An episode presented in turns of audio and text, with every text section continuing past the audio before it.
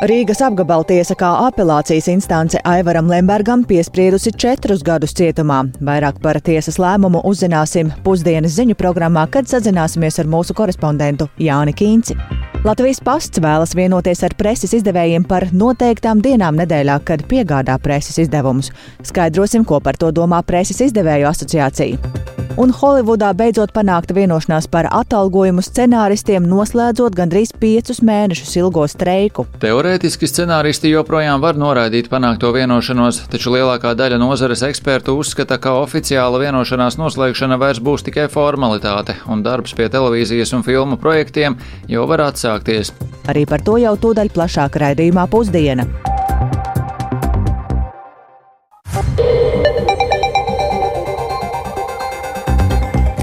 Ir 12,5 minūtes, skan ziņu raidījums pusdiena, plašāk skaidrojot šajā dienā, 27. septembrī, būtisko studijā Dāca Pēkšēna. Labdien!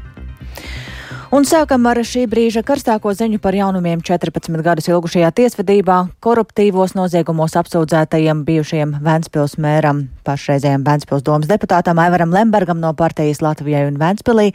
Apelācijas instances tiesa piespriedusi četrus gadus cietumā, un tas ir mazāk nekā pirmās, pirmās instances nolēmumā. Šobrīd sprieduma lasīšana tiesā turpinās, un vairāk par to pastāstīt lūksim kolēģim Jānim Kīncim, kurš šobrīd atrodas tiesā. Sveiks, Jāni!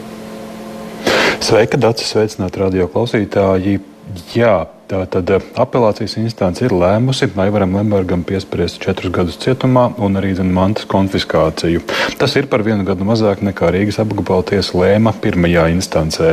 Lembergs atzīst, atzīts par vainīgu kukuļu ņemšanā, naudas atmazgāšanā, neatļautā dalībā mantiskā darījumā un dokumentu viltošanā. Cietumsodā apelācijas instances tiesa, tāpat kā pirmajā, pirmā instance, nolēma ieskaitīt Lemberga atrašanos apcietinājumā un pavadīto, jau pavadīto pavadīto laiku arī mājas arestā. Taču tas nozīmē, ka Lembergam vēl kādu laiku būs jāpavada apcietinājumā, bet daļa apsūdzību Lembergu attaisnoju. Savukārt Lemberga dēlam Anrijam tiesa piesprieda vienu gadu un 11 mēnešus ilgu cietumsodu, kā arī mantas konfiskāciju, un arī Lemberga biznesa partnerim Ansim Sormolim apgabala tiesa piesprieda vienu gadu un 9 mēnešus ilgu cietumsodu un mantas konfiskāciju.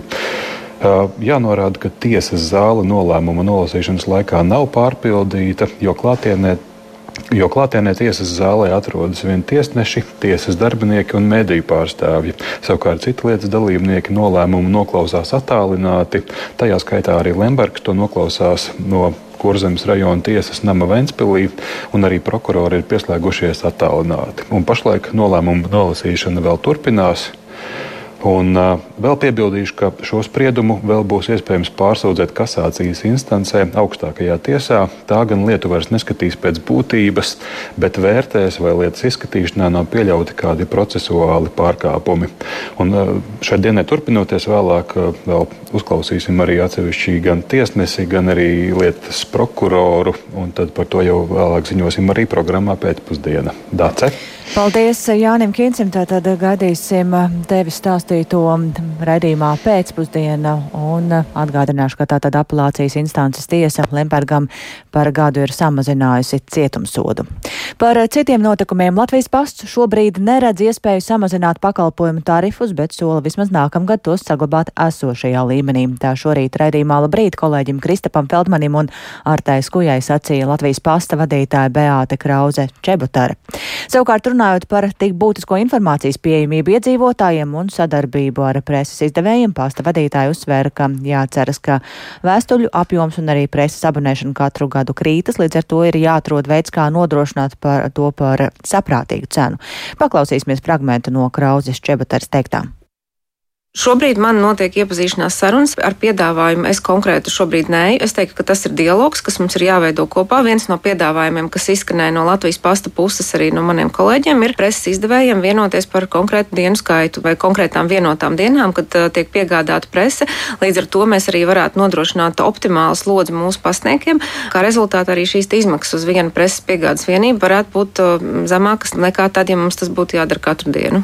Nu, arī par reģionālo presi īpaši runājot, tur gada sākumā par abonēšanas maksu bija liels skandāls. Pasts to cēla, nu, tad mazliet tomēr samazināja Kā jūs skatāties, vai tur tomēr nevajag nākt vēl vairāk pretī un tieši vairot šo reģionālās preses izdošanu? Jā, es teiktu, ka tas arī ir kopīgs darbs gan pastam, gan arī pašiem izdevējiem, jo nav jau arī tā, ka tikai pasts ir tā vieta, kur var šo presi abonēt. Es teiktu, katram izdevējam arī ir jāstrādā ar savu auditoriju un, un jāsaprot, kā var uzrunāt un kā var piedāvāt šo presi abonēt. Jā, nu, es teiktu, ka tā, diemžēl, situācija, kas bija vasaras beigās ar šo abonē LV, nebija tāds labs sadarbības piemērs, un es tiešām strādāšu un darīšu darīšu tā, lai nākotnē nu, tādas situācijas neatkārtotos, vai arī, ja nu, ir uh, pastam vēlme kaut ko mainīt tarifos vai sadarbības modeļos, primāri tam ir jābūt diskusijas avotam. Bet nu, pastam nevarētu būt vēlme mainīt kaut ko tarifos uz leju raugoties, jo šobrīd nu, tās pīķa cenas ir samazinājušās.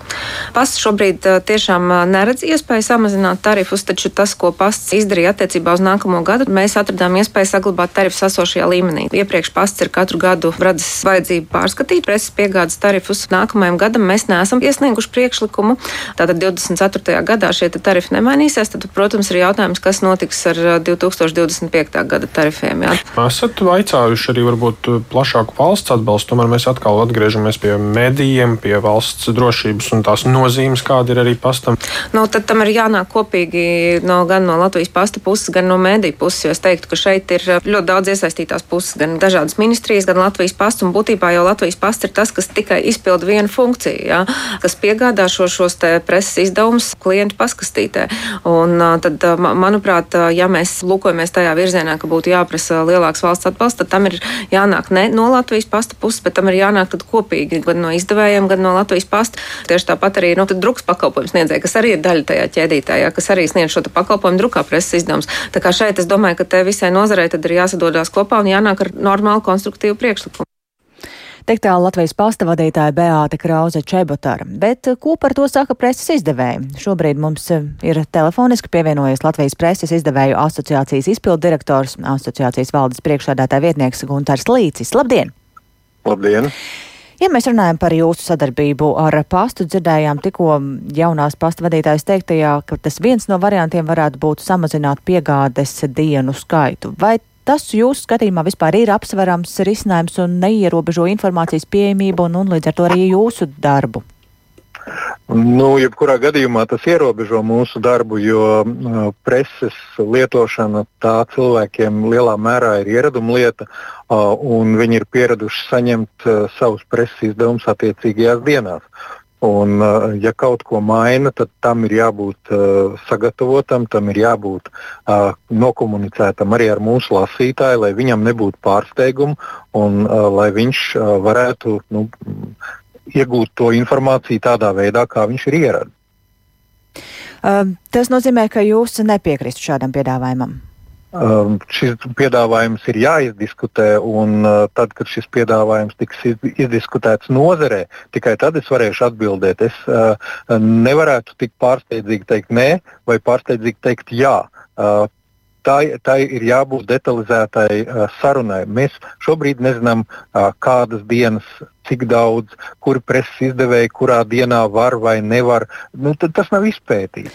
Tātad, Tam dis... ir jābūt pa priekšu izpētītam Jā. jautājumam. Tātad diskusijas vēl priekšā, bet ja mēs runājam plašāk par uh, pastu, par um, sadarbību ar jums. Uh, Runājot par to šī brīža situāciju, pasts darbojas kā komerc uzņēmums vai ņemot vērā ka šajos laikos tā informācijas pieejamība ir ļoti būtiska. Runājam arī par valsts drošību šajā ziņā. Vai nebūtu vajadzīga kaut kāda iesaista no valsts puses un jāmaina uzstādījums pašam pastam, kā tas strādā, un, jo pasta piegādes. Precīzi, es pilnīgi jums piekrītu, un mēs jau par to runājam sen, ka pastam mūsuprāt, kā valsts akciju sabiedrībai, būtu jābūt papildus sociālai funkcijai, kuru šobrīd, nu, diemžēl, neviens, neviens satiksmes ministrs un neviena valdība šo jautājumu nav atrisinājis. Pastam būtu jābūt šai sociālai funkcijai. Viņai būtu jāpalīdz tiem cilvēkiem, kuri ir ieraduši saņemt drukāto mēdīju. Jebkurā Latvijas vietā viņam būtu jābūt šādai iespējai par viņam pieņemamu cenu. Bet Tāpēc, jūs no savas jūs teicāt, Jā, bet jūs jā, no savas puses arī šo kaut kādā veidā vai vēršaties pie satiksmes ministrijas un, un, un, un lūdzat šo jautājumu kārtot? Jau desmit gadu garumā Gunārs Līts par to runā ar visiem satiksmes ministriem. Par to ir runājis Saimas cilvēktiesību komisijas sēdēs, kad uh, pastam ir nepieciešams uh, uzlikt šo sociālo funkciju. Bet tas kaut kā dzirdīgs ausis nav atradzis. Nu, esam tad... rakstījuši, esam runājuši, esam intervijās par to runājuši gadu gadiem. Bet tad, uh, kam to būtu jārisina? Nu, kā dzirdējām, tikko arī pasta vadītājs teiktajā, nu, ka būtu jāiet visiem kopā pastam, izdevējiem, drukātājiem. Apsverat arī šādu ieceri, vai tas būtu jādara pašam darīts. Pa, pavisam nesen pie iepriekšējā ministra pie viena galda sēdēja uh, Latvijas preses izdevēja uh, asociācijas pārstāvis, sēdēja pasta pārstāvis, sēdēja SPRK pārstāvis. Un mēs šos jautājumus esam griezuši riņķī, riņķī lēmuma nav. Mēs kā izdevēji šā lēmumu nevaram pieņemt. Mēs esam izvirzījuši šo te, uh, savu redzējumu, esam šo uh, redzējumu dažādos veidos prezentējuši. Esam centušies paskaidrot, kāpēc ir vajadzīga agra rīta piegāde. Un esam centušies uh, komunicēt gan ar valdību, gan ar saimu, dzirdīgu ausu nav. Bet Mēs kāds ir tas pamatojums? To, kāds ir pamatojums un kam īsti no, no kā tieši būtu jāsako šim uh, lēmumam? Manuprāt, gan no uh, ministrijām, gan arī no saimnes. Nu, likums šajā valstī tomēr pieņem saimu uh, un, un savus uzņēmumus pārvalda attiecīgi ministrijas, kurām tas ir piekrītoši. Pasts ir satiksmes ministrijas um, pārvaldībā, nu ne pārvaldībā, bet um, Latvijas pasts ir, ir komercstruktūra, kuras īpašnieku pārstāv um, satiksmes ministrija nu, tad uh, parasti jau saimnieks uh, un, un saimnieku vadošās uh, teiksim, institūcijas lemj par to, kā tad kuram būs strādāt. Mm -hmm. Paldies. Mēs, mēs varam tikai izteikt to, kas būtu nepieciešams. Un šī sociālā funkcija Latvijas pastam būtu jāuzliek. Paldies! Tāds lūk ir Latvijas preses izdevēju asociācijas izpildirektora Guntara Līča redzējums par to, kā būtu jāsadarbojas pastam un izdevējiem.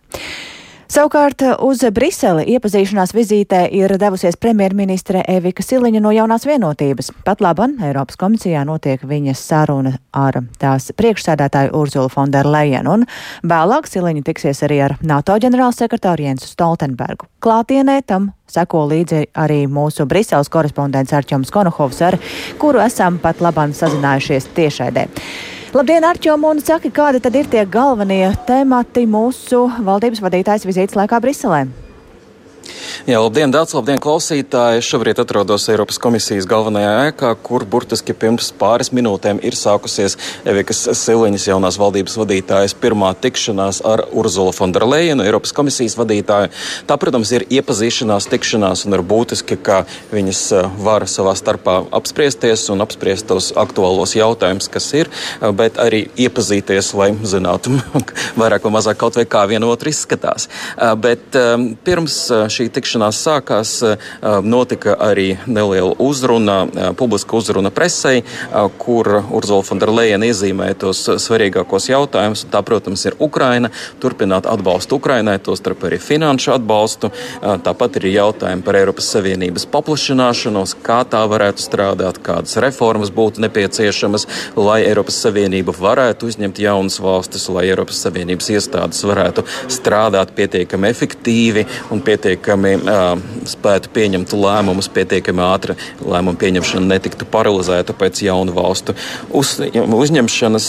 Tāpat arī runa ir par pavisam praktiskiem jautājumiem, pieņemsim par to, kā Eiropas Savienības fondi finansē uh, Latvijas un arī pārējo Baltijas valstu elektrības tīklu pārslēgšanos no uh, tā tīkla, kas no tās sistēmas, kuram tas ir pies, pieslēgts šobrīd, uz Eiropas uh, pieslēgumu. Tad, tad šī atslēgšanās no Krievijas tīkla, ka tas tiek pātrināts par vienu gadu, un arī par pārējo Eiropas fondu izmantošanu. Tad, tad tie ir tie būtiskākie temati, kas tiek apspriesti šeit Eiropas komisijā.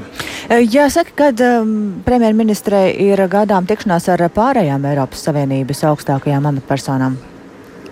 Ar pārējām Eiropas Savienības augstākajām amatpersonām tikšanās visticamāk būs gaidāmas jau tuvākajos samitos, un tie ir vairāki. Jāsaka, jāsaka ka diezgan aktīva dienas kārtība ir ne tikai Latvijā, bet arī Eiropas iestādēs jau pavisam drīz notiks tikšanās, neformāla Eiropas Savienības līderu tikšanās Granādā, Spānijā. Turpat būs arī tikšanās Eiropas politiskajai kopienai, kur būs daudz jautājumu. Tostarp arī par paplašināšanos tiks runāts. Tur visticamāk notiks tikšanās ar Eiropadomas vadītāju Šārlu Mišelu un vēlāk, tad, protams, arī ar Eiropas parlamenta vadītāju. Bet, nu, ja vēl atgriežamies uz mirkli pie tā, kas notiek šodien, tad, protams, ir jāpiemina arī NATO un tikšanās ar NATO ģenerālsekretāru Jensu Stoltenbergu pēcpusdienā. Un tur, protams, sarunas būs vairāk vai mazāk arī par Ukrainu, par to, kā ir mainījusies drošības situācija, kā NATO atbild uz šo drošības situāciju, par to, kā kādi vēl tādi praktiskie soļi tiek spērti, lai pildītu tos politiskos lēmumus, kas ir pieņemti dažādos samitos, kas ir bijuši iepriekš un tostarp arī šovasar. Paldies Ārķomam Konohovam par ziņām no Briseles. Tātad atbalsts Ukrainai un virkne citu jautājumu šodien dienas kārtībā sarunās premjerministrei ar augstām amatpersonām. Bet runājot par situāciju otrpus okeānam, tad piecus mēnešus ilgo streiku Holivudas scenāristi ir vienojušies izbeigt. Un tas ir tāpēc, ka sarunās par atalgojumu ar producentu studijām ir rasts kompromiss, un par to ir paziņojusi Amerikas scenāristu ģilde. Šī streika beigas gan nenozīmē, ka visi streikojošie aktieri atgriezīsies darbā. Kāpēc tā? Par to vairāk Rikārda Plūmas ierakstā.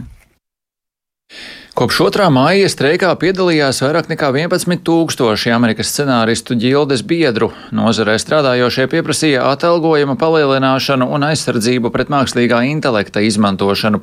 Šis ir ilgākais streiks Holivudas filmu nozarē pēdējo desmitgažu laikā, un tas ir apturējis lielāko daļu kino un televīzijas filmu ražošanas. Tieši tādēļ vienošanās par tā izbeigšanu tika ļoti gaidīta, lai gan sarunas starp scenāristiem un kino un televīzijas producentu aliansi nebūtu nebija vieglas. Par provizorisku vienošanos tika ziņots jau svētdien, kad pēc piecu dienu garām sarunām domstarpības beidzot šķietami izdevās pārvarēt. Amerikas scenāristu ģilde norādījusi, ka sarunu komiteja, valde un padome vienbalsīgi nolēma ieteikt atbalstīt saviem biedriem panākto pagaidu vienošanos par trīs gadu līgumu ar kino un televīzijas producentu aliansi. Streiku jau nolemts izbeigt, bet ģildes biedriem pašiem vēl būs jāapstiprina šī vienošanās, un balsojums paredzēts laikā no 2. līdz 9. oktobrim. Lūk, ko par sarunu vienošanos un sarunām saka Dominiks Patents, portāla Deadline Hollywood redaktors. I mean, I think this is an amazing victory for all concerned. Obviously, the writers have been on. Es domāju, ka šī ir pārsteidzoša uzvara visiem iesaistītajiem. Scenāristi streiko jau piecus mēnešus. Puses savā starpā nerunāja vairāk nekā simts dienu. Augustā viņiem bija ļoti sliktas sarunas. Pēc tam, aizdītās nedēļas sākumā, četri lielo studiju vadītāji no Netflix, Disney, NBC, Universal un Warner Bros. Discovery personīgi sāka sēdēt kino un televīzijas producentu alianses sanāksmēs. Sarunas gāja uz priekšu un atpakaļ. Tas bija kā amerikāņu kalniņi, jo mēs gandrīz katru stundu ziņojām par to, kas notiek no mūsu rīcībā esošajiem avotiem. Teorētiski scenāristi joprojām var noraidīt panākto vienošanos, taču lielākā daļa nozares ekspertu uzskata, ka oficiāla vienošanās noslēgšana vairs būs tikai formalitāte, un darbs pie televīzijas un filmu projektiem jau var atsākties, kamēr process tiek pabeigts formāli. Tātad streika atcelšana ļaus scenāristiem jau atgriezties darbā. Kā tas izpaudīsies praktiski, ieskicē žurnālists Jonatans Handels.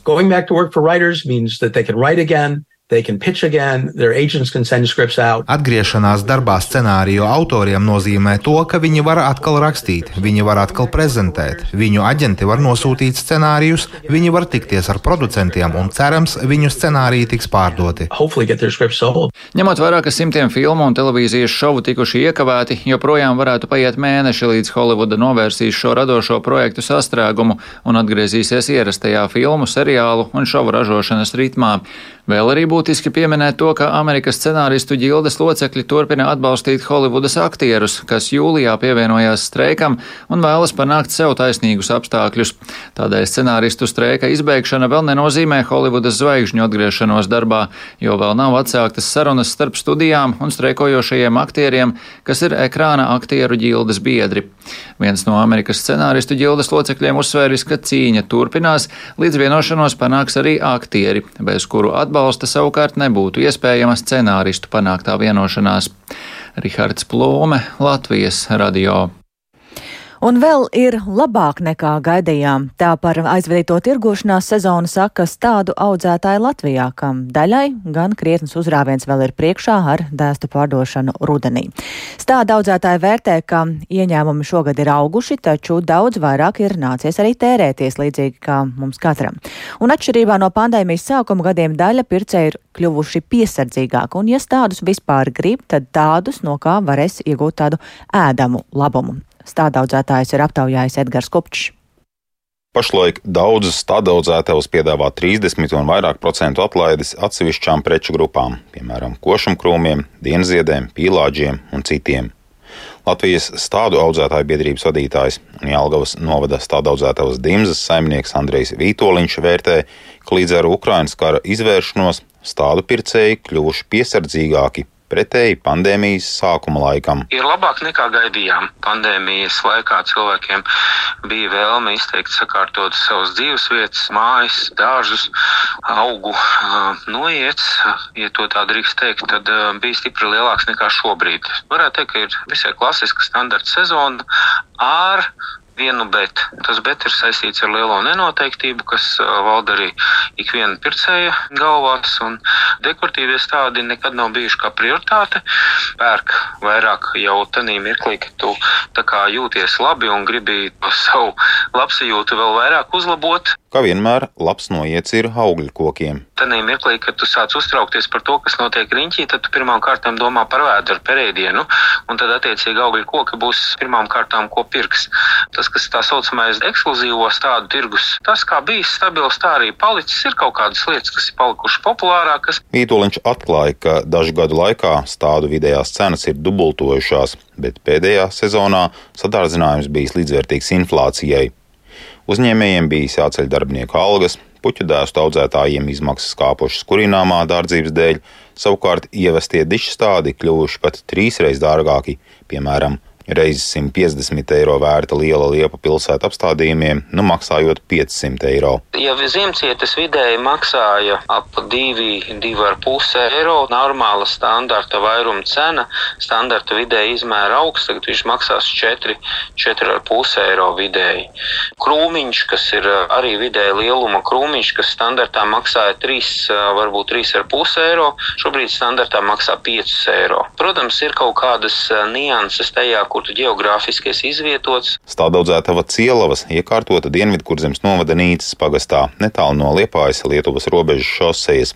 Saimniece Agita Rušmane ar savu uzņēmumu nosaukumā ietverto zīmolu Deko dārs Liepājā iekārtojusi dārzu centru. Biznesu sāka ar dārzu ierīkošanu. Kas mums ir plus tas, ka mēs praktiski esam ģimene, kas strādā. Visi četri. Nu, tur ir jābūt tiešām slimam cilvēkam, lai to visu dabūtu gatavu. Jo mums jau arī nav tas tikai tā tirdzniecība. Mums jau primārais bija tā labiekārtošana. Mēs ejam tos dārzus stādām, un tas bija pirmais. Un tad sākām braukt pa visu Latviju, pa Lietuvu, visur meklēt tādus, kādus mums vajag. Nu, reāli nu, nopirkt vienā vietā nu, ir ļoti grūti. Lai uztaisītu labu dārzu, lai es dotu garantiju tiem augiem, un par saviem augiem es vismaz varu dot garantiju. Gan stādaudzētavā, gan dekodārzā Liepājā pašlaik godvietā pilnzieda turpina pēdējos gados popularitāti ieguvušās hortenzijas, kuru cielavām ir desmitiem šķirņu. Ir arī graudzāles, kas tagad ir ejošas, jo viņas tieši tagad ir augušas, tie jaunie dzinumiņi. Zied kā tur teikt, un tas arī interesē. Tagad izskatās, ka ir klientu klusums, vai, vai tas ir māns tikai?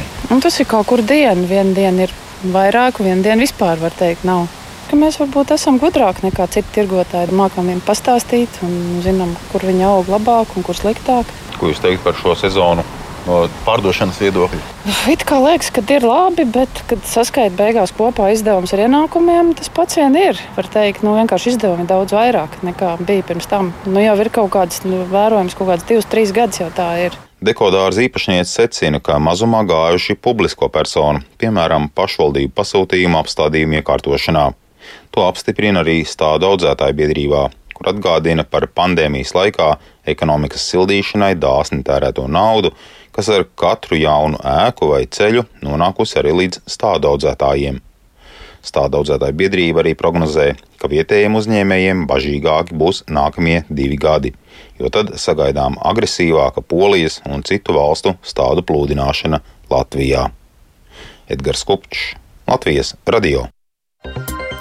Un ar šo stāstu izskan radījums pusdiena, ko producēja Lauris Zvejnieks, ierakstus montēja Renārs Šeimanis, par labskaņu rūpējās Jāna Dreimana un ar jums sarunājās Dāca Pēkšēna. Vēl īsi par būtiskāko šodien apelācijas instance tiesa Lembergam par gadu samazina cietumsodu. Holivudas scenāristi vienojas izbeigt streiku, aktieriem sarunas vēl tikai sāksies. Yeah.